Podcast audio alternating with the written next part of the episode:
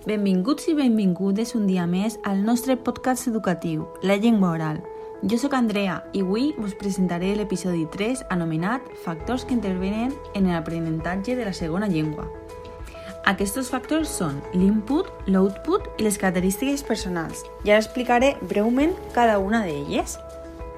L'input és el bagatge lingüístic que obté l'aprenent de la segona llengua, a partir del qual pot escollir, extraure'n normes i crear un nou llenguatge el qual irà incorporant al seu sistema d'interllengua.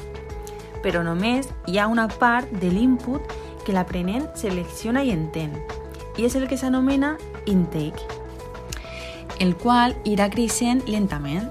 Aquest creixement estarà determinat per la quantitat i la qualitat que tenga l'input. L'input, per tant, ha de tindre quantitat. L'aprenent aprendrà d'una manera més significativa si té una gran quantitat d'input. Qualitat. També és essencial, per tant, les converses han de ser pures i s'ha d'intentar evitar les pseudoconverses. El paper principal del docent és com a guia i comunicador i és el que té que proporcionar-li a l'aprenent un input comprensible, significatiu i de qualitat. L'output és el producte lingüístic que elabora l'aprenent a partir dels intakes que abans ha processat. Gràcies a l'input i al output es va creant la interllengua. La interllengua és un sistema intrapersonal i autònom. Per tant, cada un tindrà la seva pròpia interllengua.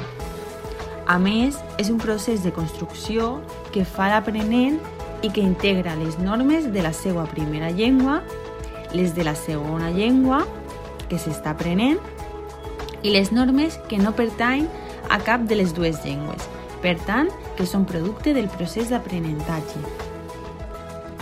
Per a finalitzar, tenim les característiques personals, que estan formats per la edat, la qual és una variable important i afecta l'adquisició de la segona llengua.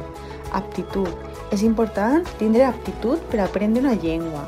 Motivació i actitud són dos termes que estan relacionats. És fonamental centrar-se en els interessos de l'alumnat, així s'aconsegueix augmentar la seva motivació i tindre una millor actitud. Personalitat. La personalitat de l'aprenent influeix en l'aprenentatge de la segona llengua. I per últim, l'ús d'estratègies. Les estratègies comunicatives i compensatòries són les tècniques que l'aprenent utilitza quan té dificultats per a comunicar-se. Hi ha diferents tipus d'estratègies. Estratègies d'evitació, estratègies de paràfrasi i estratègies de transferència. En tot això, es pot afirmar que el procés d'aprenentatge de la segona llengua és pròxim al de la primera.